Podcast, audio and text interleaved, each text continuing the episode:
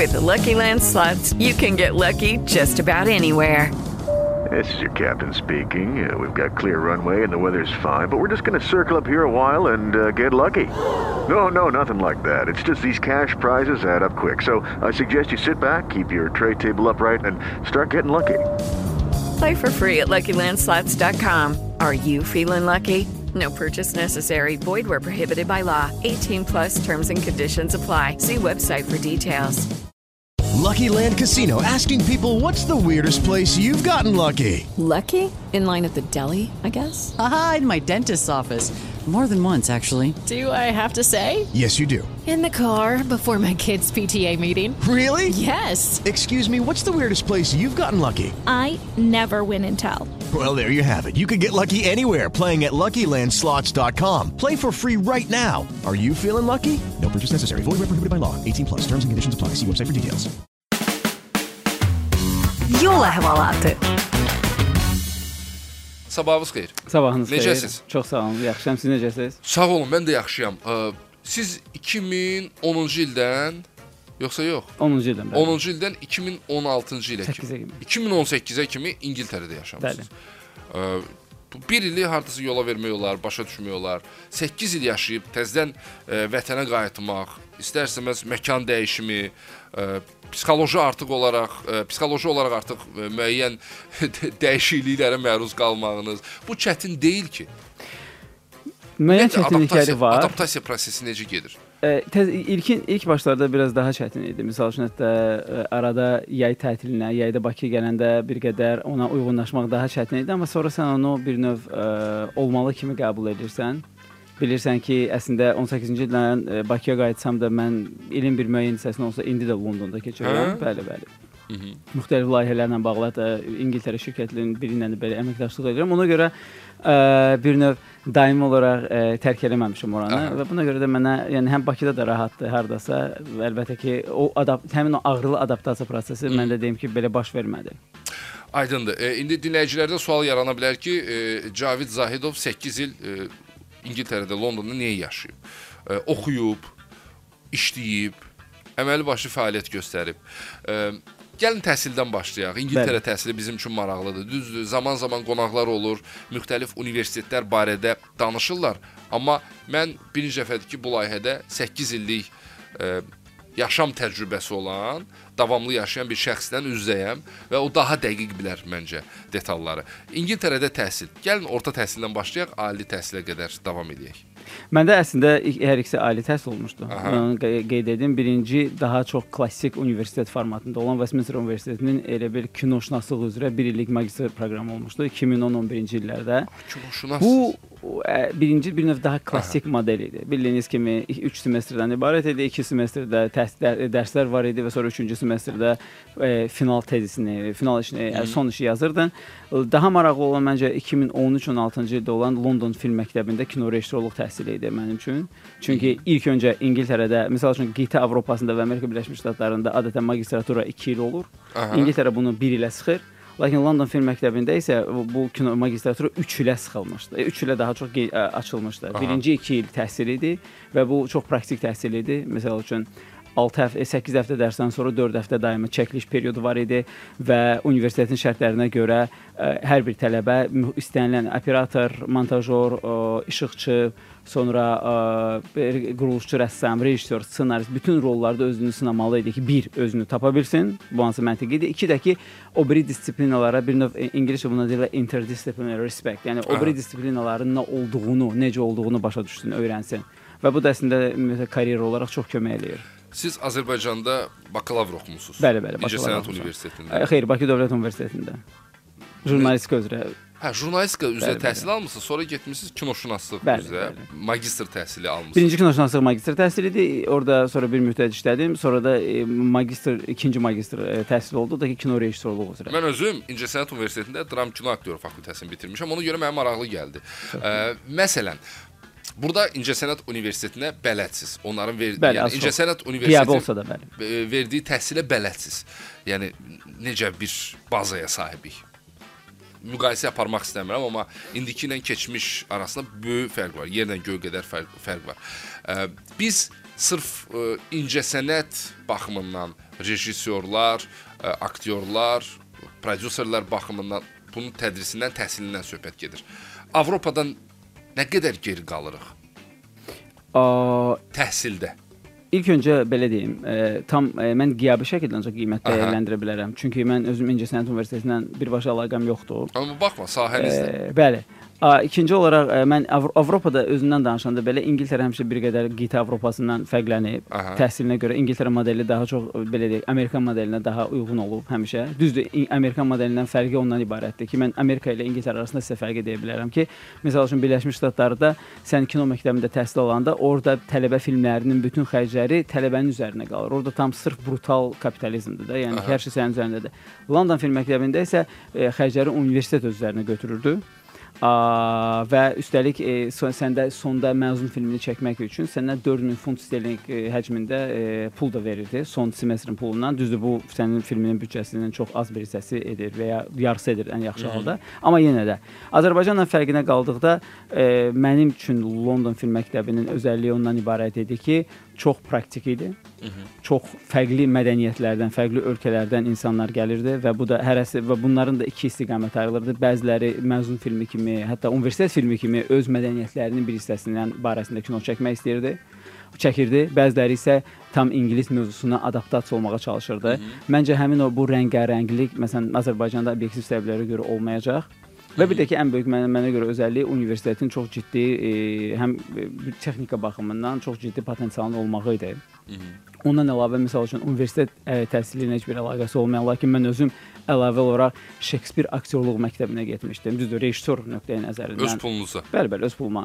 Amma yəni bu məsələn yenə də mənə görə burada ə, bu belə bir imkan çətin olacaq. Baxmayın, Şekspirin Şekspiri Şekspirin və vətəndə öyrənmək tam ayrı bir şeydir. Amma belə bir məsələ var da, siz də pul verib, ə, yəni pulu ilə gedib oxumusunuz və ya görmüsüz, öyrənmisiniz.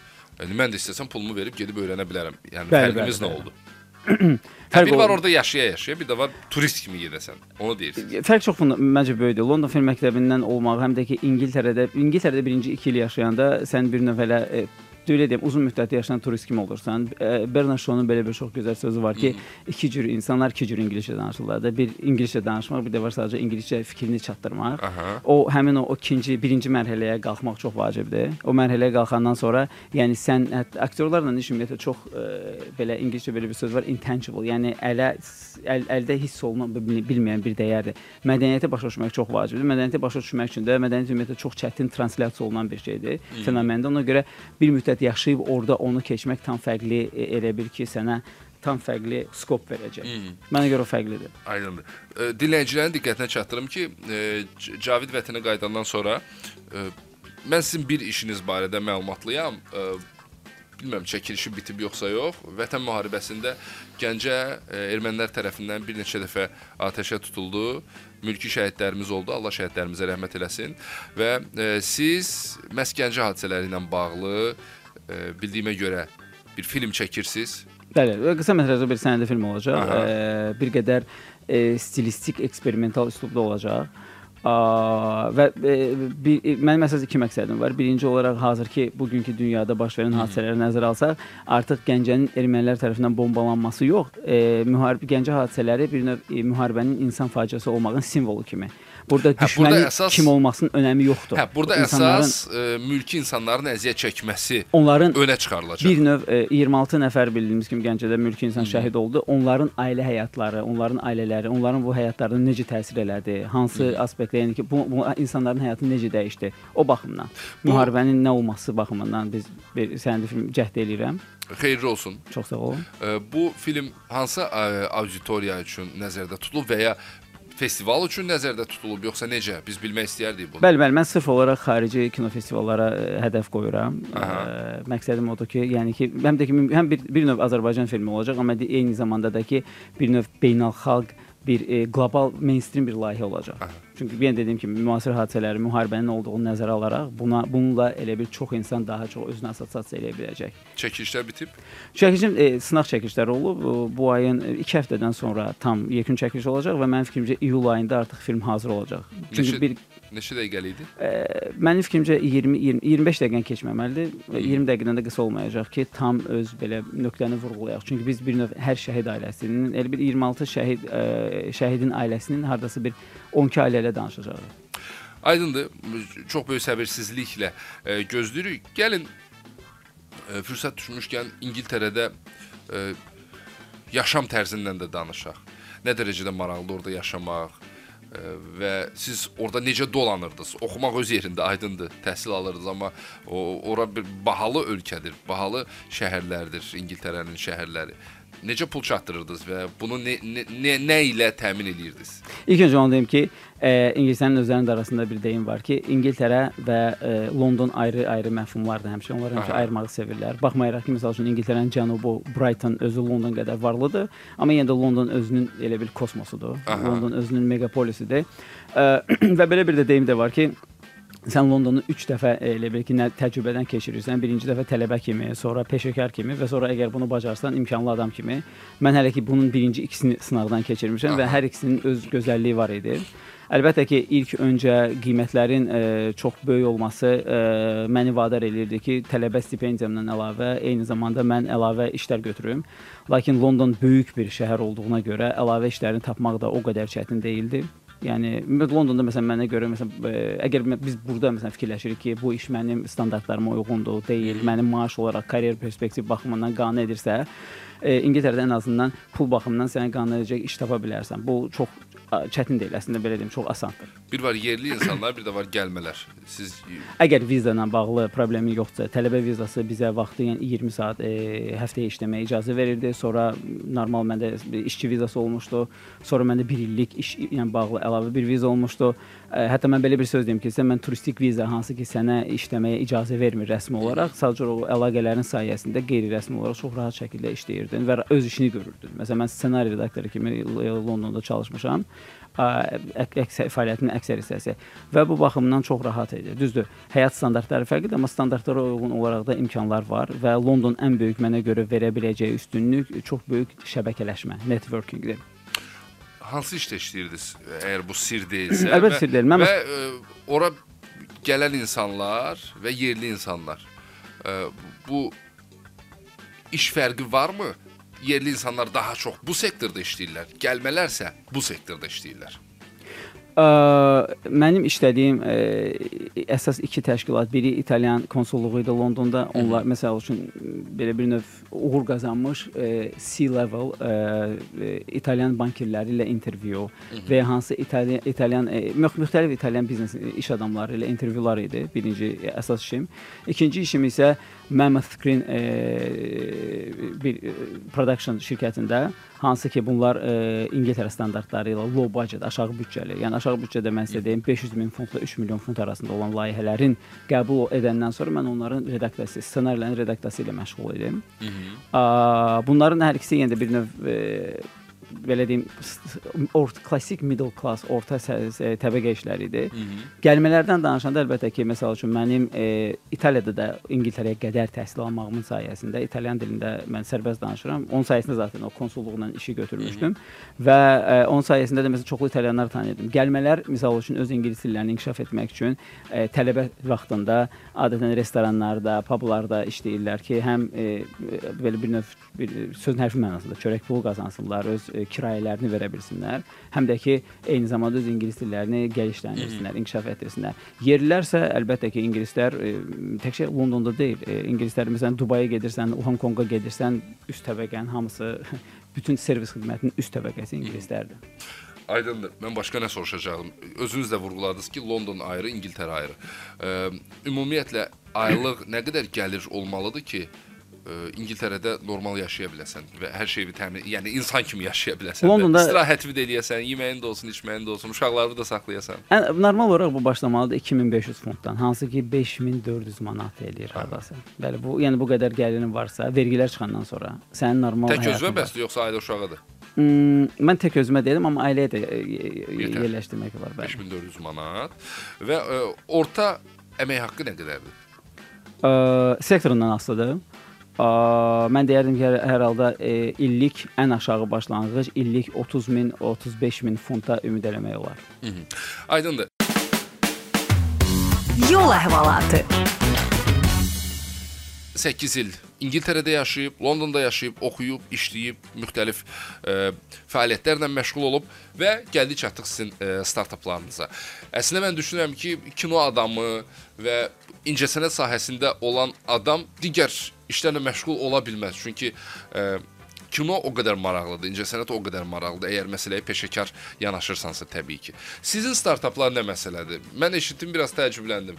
Mən hazırda 2 Dubay e, Dubayda əsaslanan startaplar fəaliyyət göstərirəm. Onlardan biri yaxın şərqin master klassı olmaq iddiasında olan Eduminadır. Yəni uzun sözün qısası desək, məqsədləri nədən ibarətdir ki, yaxın şərqdə ə, xüsusilə bu ə, Qatar, Dubay, ə, Birləşmiş Ərəb Əmirlikləri regionunda uğurlu ə, yerli biznesmenlər və xarici eyni zamanda hansılar ki, ə, ə, həmin o regionda fəaliyyət göstərib uğur qazanıblar, onlarla ə, mentor ə, mentorship proqramı əsasında onlarla sadəcə biz master klass hazırlayaq. Yəni ki, insanlar ə, leadershipin, biznesmenin, biznesmen olmağın sonra entrepreneurship, yəni ki, bir növ ə, iş iş işi necə görməklə bağlı ə, öz məsləhətlərini verirlər. Bunu bir kurs kimi həm ə, bazara təqdim edirik.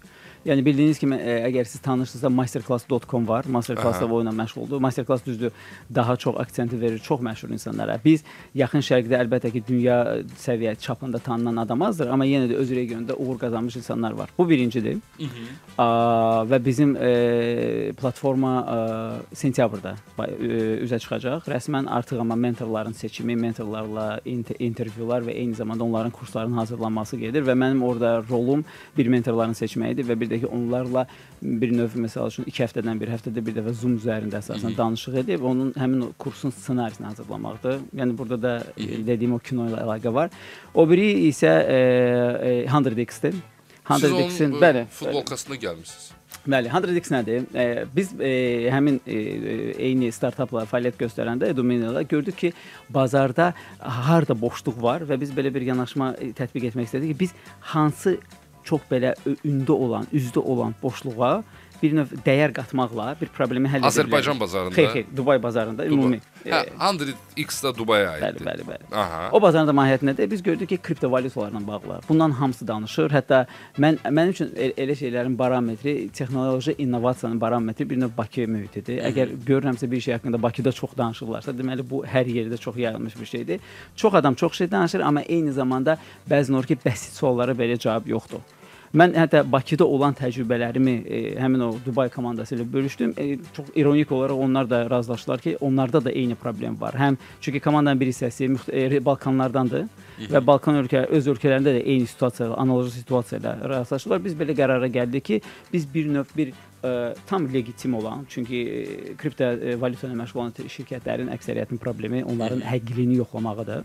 Ə, tam legitim ə, bir təşkilat ə, şirkət yaradaq, harda ki biz eğitimlə məşğul olacağıq. Yəni bu eğitimdəki çox asan ingilis dilində ə, 30 dərsdən ibarət bir kursdur. Ə, Harda ki biz sıfırdan elə bir ki kriptovalyuta nədir, necə investisiya etmək lazımdır, hansı məqamları nəzərə almaq lazımdır, bazarı necə analiz etmək lazımdır, bazara nə vaxt girmək, nə vaxt çıxmaq lazımdır.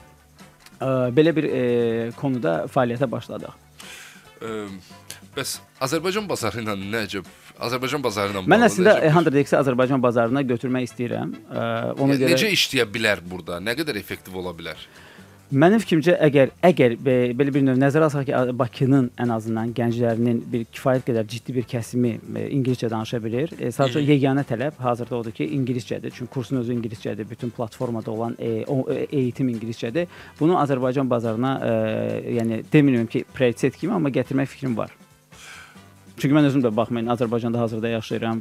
Azərbaycanda fəaliyyət göstərirəm, yəni fiziki olaraq ən az Azərbaycandayam və buna görə e, bir neçə bloqerlərlə danışıram ki, bunu Azərbaycan bazarında təbliğ eləyək. Çünki fikrimizcə biz ə, həm investisiya ilə bağlı, həm də ki bu yeni texnologiyalarla bağlı olan mövcud olan o xaosu həll etməkdə bir e, belə bir ciddi bir cəhdik. Çünki bizim komandanın əsasını qoyan e, stok marketlə məşğul olan e, 30 ildən çox bir insandır. O biri e, əməkdaşımız var hansı ki, iki çox uğurlu treyderlər var. Məsələn, mən sizə hətta belə rəqəm vermək çox gözəl peşəkar deyil, amma 2014-cü ildə biri, 11-ci ildə biri, 11-ci ildə düşünün ki, kriptovalyuta ə, təzə çıxanda 12-ci ildə adam onunla məşğul olmağa başlayıb və bizim biz yəni onların hətta siqnallarını test elədik. Azərbaycanlıların da bir neçə Azərbaycanlı olduğu bir qrupda, Telegram qrupunda ki, məsələn 10 dənə siqnal göndərdik 20 gün ərzində və bu 10 siqnalın 9-u uğurlu oldu. Məsələn, sıfırdan olsaydı 273% gəlir əldə edə bilərdiniz. Bizim hədəfimiz nədir? Siz e, yenə dediyim kimi o kriptovalyuta ilə e, insanların problemi nədən ibarətdir? Çox pis təcrübələr. E, misal üçün gəlirin X bu qədərdirsə, gəlirin əksər hissəsini özünə ziyan vuracaq dərəcədə ona qoyub qısa e, müddət ərzində gəlir gözləməkdir qeyridə. Mənim dediyim, bəli, mən kriptovalyutadan. Amma mənim isə bizim isə dediyimiz odur ki, siz ona əlavə bir ikinci və ya üçüncü bir alternativ kimi iş baxın uzun müddətli bir oyun kimi baxın və yavaş-yavaş, yəni ki, öz gəlirinizi, yəni ki, kapitalınızı genişləndirə bilərsiniz. Məni məsəl üçün narahat edən məsələ ə, e, kriptovalyutalarla bağlı ə, e, hər hansı bir sığortanın olmamasıdır. Bəli. Hə, bu bu məni ən çox narahat edən məsələdir. Bəlkə sığorta məsələsi olsa, mən çox ciddi yanaşaram bu prosesə. Düşünürəm ki, hə, e, bir virtual pulu aldın, bir müddət sonra məsəl məsələn deyirəm 2000 3000 verdin misal üçün deyirəm. Aldın onu, bir müddət sonra itdi, yoxdur ortalıqda. Sən kimdən nə istəyəcəksən? Ha, bunu mən sizə bir şey deyim ki, indiki bu dəqiqə hazırki platformalar var. İstəyir e, Binance, istəyir Bitfinex, istəyir FTX Pro. Aha. Əgər bunlar ingiliscə belə bir şey var, centralized platform. Əgər bu mərkəzləşmiş platformdursa, mənim şəxsən başıma gəlir. Məsəl üçün, harda ki mən səhv olaraq e, kriptovalyuta, bir kriptovalyutanın ciddi bir məbləği səhv ünvana göndərdim. O deməkdir ki, əgər bu ə, bir 15 il əvvəl olsaydı pul getmişdi. Lakin sən onların e, müştəri xidmətlərindən 24 saat 7 işləyən e, əlaqə saxladın, məsələni izah elədin, ərizəni verdin, e, onlayn ərizə, sonra skrinşotlarını çəkdin və onlar məndən ancaq e, belə bir servis fee almaq şərti ilə o pulu mənə geri qaytardılar. Halbuki mən çox üzr istəyirəm, çox belə axmaq bir səhvə yol vermişdim.